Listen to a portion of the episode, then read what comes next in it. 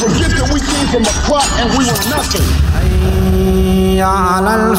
Bila kita dipuji, harusnya kita berdoa, Allahumma ja'alni khairan mimma yazunnun. Ya Allah, jadikan aku lebih baik daripada apa yang mereka sangkakan. Berapa banyak kali Stinger ni main pun tak hafal-hafal doa dia. Allahumma ja'alni Khairan khairan mimma mimma yazunnun. yazunnun. Yazunnun come from the derived from the zon, husnuzon kan? Ah. So Allah make me better than what they thought of me. Ah. Masya-Allah, So they have, they, they, they, Allah has concealed your sin and then you know, praise you, people praise you. So at the end of the day, you are giving back lah. Actually, this is all from Allah and Allah. This is what they thought of me, but also make me better than what they thought of me lah. What if your sins is out in the open on TikTok? Okay. Yeah. Sorry, sorry. That's, that's another topic about aib. yeah, betul betul. Then then then, Then I will use a lawyer. yeah. Baik, podcast ini dibawakan khas kepada anda oleh kita. Ya. Sokonglah, sokonglah. Ya, Kita sokong. menjual kurma pada uh, bulan ini. Naam. InsyaAllah. Uh, dan bayangkan eh, selama 4 tahun, ber- 4 tahun eh. Ya. 4 Ya. tahun berturut-turut, harga dikekalkan sama. Betul. Barang naik, harga minyak naik, Ah. harga manpower naik, harga Sayur, logistik sayur. naik, harga sayur naik, harga kangkung tetap sama. Oh, shit. tarik balik, tarik balik. Tapi harga Tapi harga kurma kita kekalkan sama. Ah, betul. Kami tak naikkan sebab ini satu perkara yang ini kira kalau kau beli kurma ni dia tak fight inflation. dia ya, tak betul. fight inflation dia terus rugi sebenarnya. Jadi terus membeli uh, sebab uh, ada ramai dari M tahun ni jual kurma ke tak, jual ke tak, jual. Betul. Betul. Tak kisah kalau 20 orang order pun kita send kat 20. Tak apa. Betul. Betul. Betul. betul. Kalau ya ini kita berserah. Allah. Berserah Betul. pada Allah. Mimma yuzunnun. tak, tak kena dengan Tak kena. Maafkan saya. Allah kalau nak kasih kita rezeki, Allah. sila. Betul. ha, kalau kita nak kalau nak infak kurma eh bagi company-company syarikat-syarikat, Ya. yeah. boleh korang beli at least 10 atau 20. Hmm. Kasih kepada orang-orang yang memerlukan. Kasih kepada tak payah memerlukan, buy for your family. Buy Yeah. for your mom and dad, buy for your, for your siblings for Ramadan. Yeah. And and one of the concept kadang-kadang Hmm. kita boleh berikan untuk masjid. Maknanya kita dah beli, okay taruhlah kita rasa okay I want to uh, saya nak sedekah. Orang tarawih yang Ah, bila, bila kita sedekah dengan orang kurma, lazimnya Hmm. Orang pada kurma. bulan Orang kurma. bila kita sedekah pada orang Ah. ya. iaitu kurma kepada orang, Ya. lazimnya mereka akan gunakan untuk berbuka. Lazimnya lah. Ya, kan? ya, betul, betul, Dan bila seseorang tu berbuka dengan kurma dalam sebuah hadis Nabi wasallam bersabda, "Man aftara iman barang siapa yang memberi makan kepada orang yang berpuasa, Allah. maka baginya pahala puasa orang tersebut tanpa mengurangkan pahalanya." Maknanya Allah tak ambil pahala. Taruhlah din puasa eh. Ya. Alhamdulillah dah bayar dulu puasa-puasa dulu Dah, dulu dah, dah dah. bayar. Alhamdulillah. Kau, tinggal puasa juga dia, Ha? Asal? Manusia Oh. Ikut korang lah ya, Salahkan kawan eh Salahkan kawan Dia nak makan ikut. sendiri Nah, jadi bila Din puasa Kemudian kita pun lah ni Berapa kot Satu kotak kurma Dua Masa kotak kurma Ramzan tu ada bayar-bayar pun Ah tak adalah. Ah, Banyak namanya Nama Ustaz. tadi baru cakap Tutup aib tu Betul, betul, betul, aib kawan. Jadi bila mana kita kasih Dan orang tu makan Bila waktu dia berbuka Dan jadi sebuah hadis Nabi SAW Ini yang orang rebut Dekat Mesir semua kan Orang rebut kat tepi jalan tu Nak kasih orang makan Kasih orang makan Jadi ini satu konsep Yang kalau kita berikan Dan kita hadiahkan Kita yakin bahawa Mereka akan makan waktu berbuka Dan bila dia makan waktu berbuka Pahala-pahala orang yang Betul. berpuasa itu Kita juga kongsi sama Tanpa mengurangkan pahala Orang yang berpuasa dia itu tadi Itu dalam sebuah hadis Nabi SAW Baik, jadi apa kata kalau anda Sila, membeli kurma kami, kurma ajwa, kurma Mari, yang mari, terbaik mari. kami Ah. jual Mari, mari, mari. 25 dolar saja. Kakak, Mari, mari, abang, mari. adik semua boleh beli. Uh, lungsuri saja nju.sg uh, garis miring shop. Anda boleh beli kurma yang bernilai 25 dolar. Silakan beli. May Allah SWT bless you. Amin. And now it's on to the show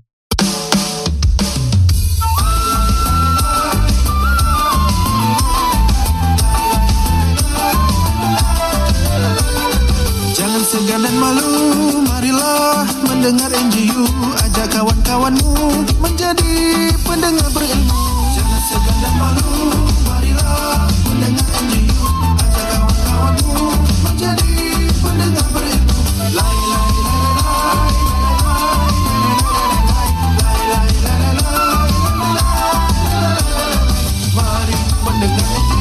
Selamat kembali ke podcast uh, NJU Oh, Non-judgmental Ummah Non-judgmental Umrah Oh, oh. umrah pun boleh Boleh boleh boleh Ah, ya. Boleh jual Ya. Okay Non-judgmental Usrah. Oh, yeah. Okay, okay, Yeah, okay, What okay, we're having okay. here, Usra, non-judgmental usahawan. Oh, ya. Okay okay okay okay Ya, ya, ya, ya.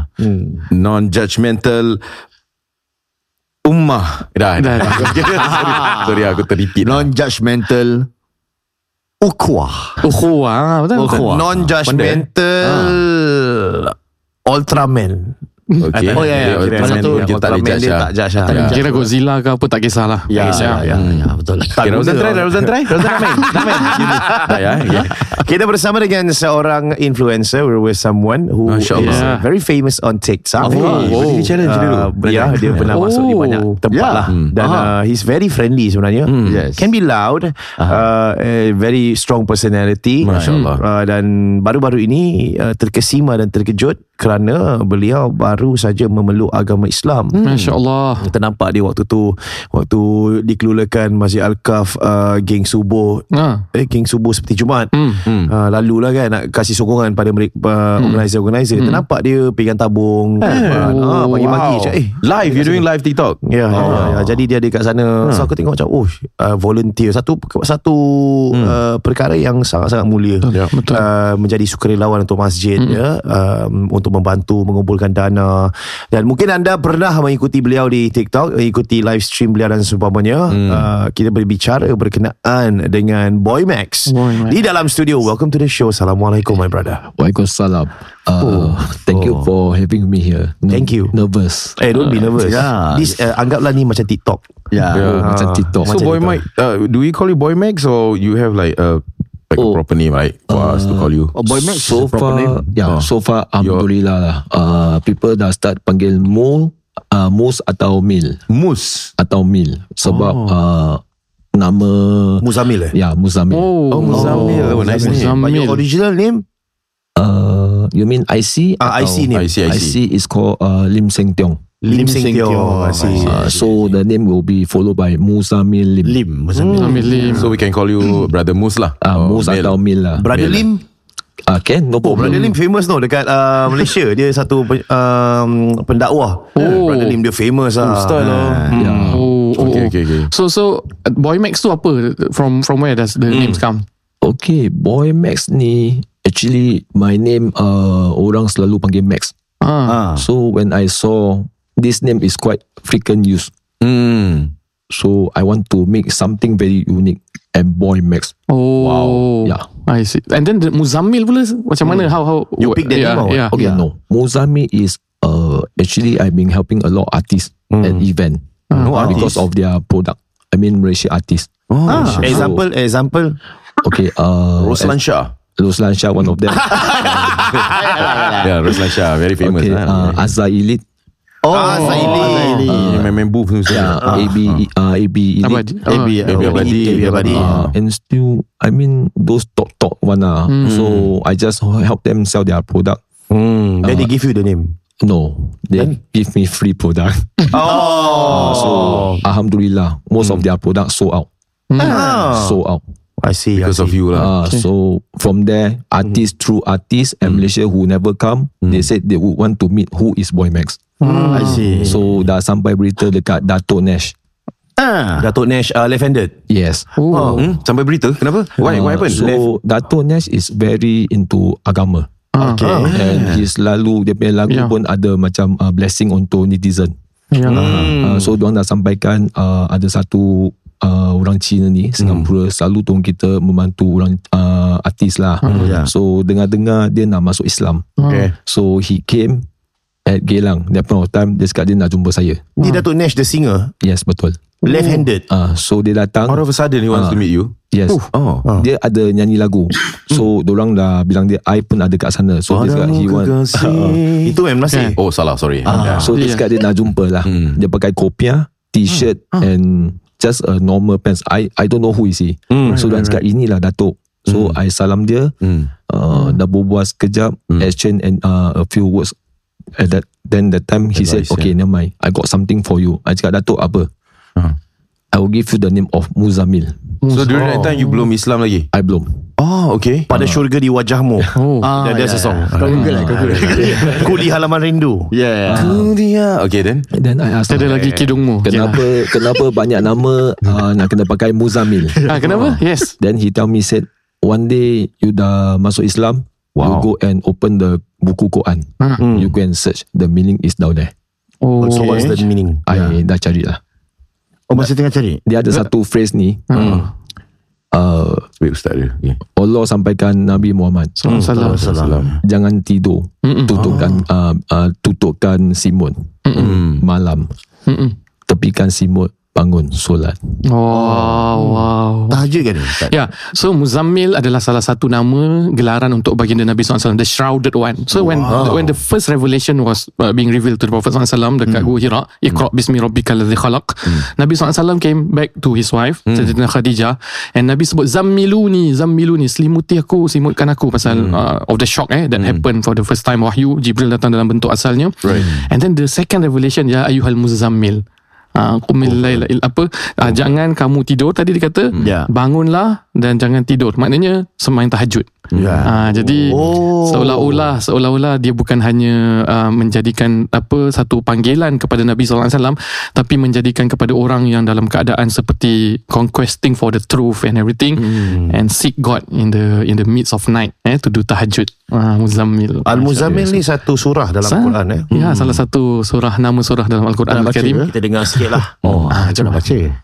يا أيها المزمل قم الليل إلا قليلا نصفه أو انقص منه قليلا أو زد عليه ورتل القرآن ترتيلا إنا سنلقي عليك قولا ثقيلا. Ya, betul. Ya, itulah antara ada lagi lah. Astagfirullahalazim. Ya, sadaqallah azim. Antara intisari daripada ayat-ayat Intisari, yang ya. kita Boleh dengar tadi lah. adalah ialah untuk bangun semayang malam dan bacalah Al-Quran dengan tartil dan kami akan mewahyukan kepadamu wahai Muhammad dengan satu kata-kata yang berat iaitu wahyu. Ha, jadi qaulan thaqilah ni kata-kata yang berat ni Al-Quran tu sendiri. Ha, jadi daripada segi hukum dari segi dia punya maknanya itu adalah satu benda yang berat. Saya think uh, Datuk Nash eh uh, berikan nama tu cantik lah. lah. Ha, cantik lah maksudnya dia ada pelbagai erti di sebaliknya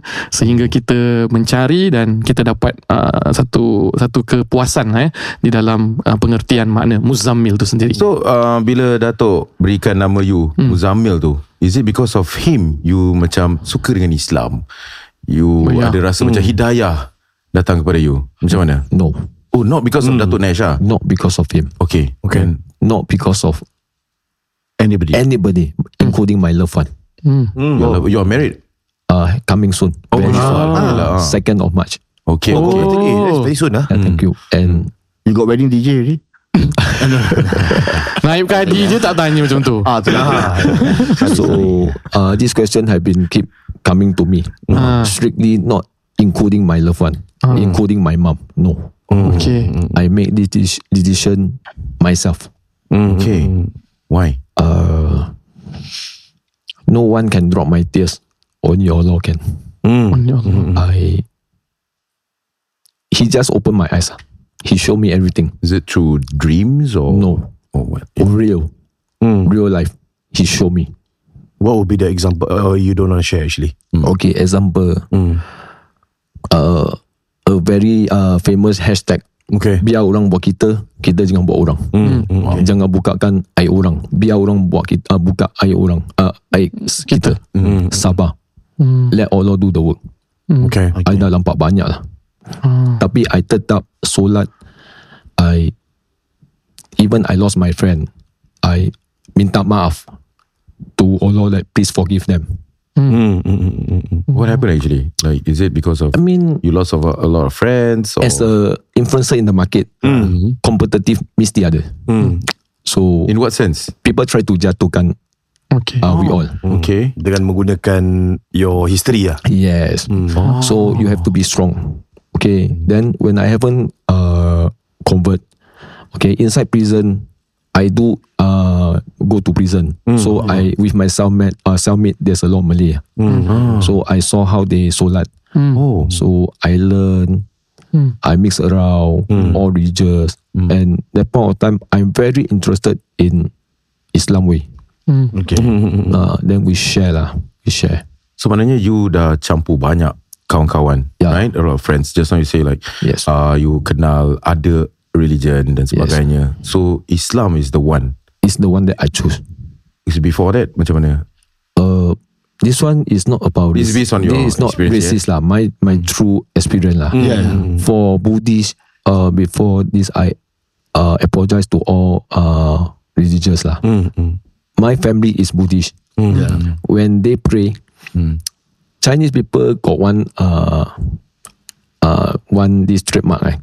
When I pray, I want to ask for 4D number. Okay. okay. that my family do do that lah. Okay. Uh, health and 4D and luck. For Christian, they want us to baptize Okay. That's okay. and they do everything good. So I find the baptize is like they ask you all to drink like uh, ribena. The sacrifice, uh, the sacrifice blood of Jesus, and biscuit, a small biscuit, the meat of Jesus. Okay. and all everybody who after baptized is I mean to them is sinful lah. For those people who this one lah what I go through their Bible classes lah. Oh, you go During- through everything? I go during my time at uh, prison. Oh, I see. But nothing sticks ah. nothing. Nothing. So I learn nothing from there. Okay. so when I start to step into masjid I meet a lot of ustad. Okay. I ask them to guide me and share with me. So they share me in English, simple Malay. So they told me, it doesn't mean you convert. Okay. All orang Islam will support you. Okay. You must, this is first. Second, you must be, you must be very, very strong ah, very strong. You cannot like sikit-sikit you want to give up, jatuh, you turn, something like that. Uh, so I said, okay, I'm ready. I just want to learn. So from that time, I keep going, and my life is like I don't mix with like gangster people that I used to mix around, brother. Uh, he sent me just those people that religious people. Wow. Ah, so I sit with those people who start coffee shop, drink coffee. They talk to me. How are you today? You got solat no? You got any problem? Like talking to preacher lah. Yeah. Ah, share share. Okay, so so maknanya macam setiap kali dah mula su- masuk masjid, you, come, you just come into the mosque and just uh, look for ustaz and ask questions about Yeah. Islam. It's just like that. It's just that they will help you. I see, I see. So because of their their kindness, and then that's where you found love in Islam. Is Yeah. more of that. Yes. It's to learn, to learn, find out more. My person, eh, I want to find out something that I want to find the, the truth. Yeah. It's not like, hey, Islam is a very beautiful life, very simple. Come lah, convert. Anytime can convert, my brother. Today, now also I can convert. Just baca uh, Syahadah. Syahadah. Yeah, yeah. People keep asking me, I promised the public two years, but I took four years. Why? During this podcast, okay, let's go, I will tell. Okay. Oh, Shahada, now also I can say. Yeah. But no, I let people kecam me. Mm. Why you do that? Why, why do you let people kecam you? If I baca Shahada, Mm. I don't know who is Allah. I pray to him for what? Mm. I see. Oh, you need to uh, learn more um, to uh, understand more about Islam. I want to know why must I pray to him? So why must you pray to Allah? Have you found out then? Yes. Mm. Solat, prayers is a komunikasi dengan Allah. Okay. Okay. That is priority. Mm. Seek forgiveness. Uh, seek forgiveness. Doa. What you want, talk to him. Mm-hmm. This is what I learned. So most of the time when I solat, I drop my tears lah. Not like I used to see people like got current, like that, that, that, that, that. No, no, no, no, no, no, no, no. I see. Yeah, I saw, I saw, I saw. You, you saw who? I saw Got current lah. Oh, got current. uh, people, uh, some people they solat, they like finish already, they got let sit down like I mean do their beats or what. Uh, so like current current no. I will just solat normal. I will Man just current. Uh, I will just I will just solat doa minta lah. but it really touched my heart and I dropped my tears lah. You know, um, Moose, when you want to speak, right? When I look at you, I just got a feeling that you want to, you want to, you want to cry. Ah, yes. You want to tear. Why? Can I know why? Hmm. Uh, whenever when I talk to about Allah dengan agama eh, it really touched my heart I see. because he give me too much lah. Brother. We will touch on what Yeah. you feel God has given to Yes, you. you see, you see ah, I don't mind dropping my tears. Yeah. I give you one very good example. How about we keep that example? We we go to the end of the ex- episode. Yeah, got three parts. they got three part. This, No the, this is the brother. first Okay, part. yeah, this is the no first part. We'll be taking Yeah. a short break Yeah. right now, and we will return with more information right after this. We forget that we came from a clock and we were nothing. Bila kita dipuji, harusnya kita berdoa, Allahumma ja'alni khairan mimma yazunnun. Ya Allah, jadikan aku lebih baik daripada apa yang mereka sangkakan.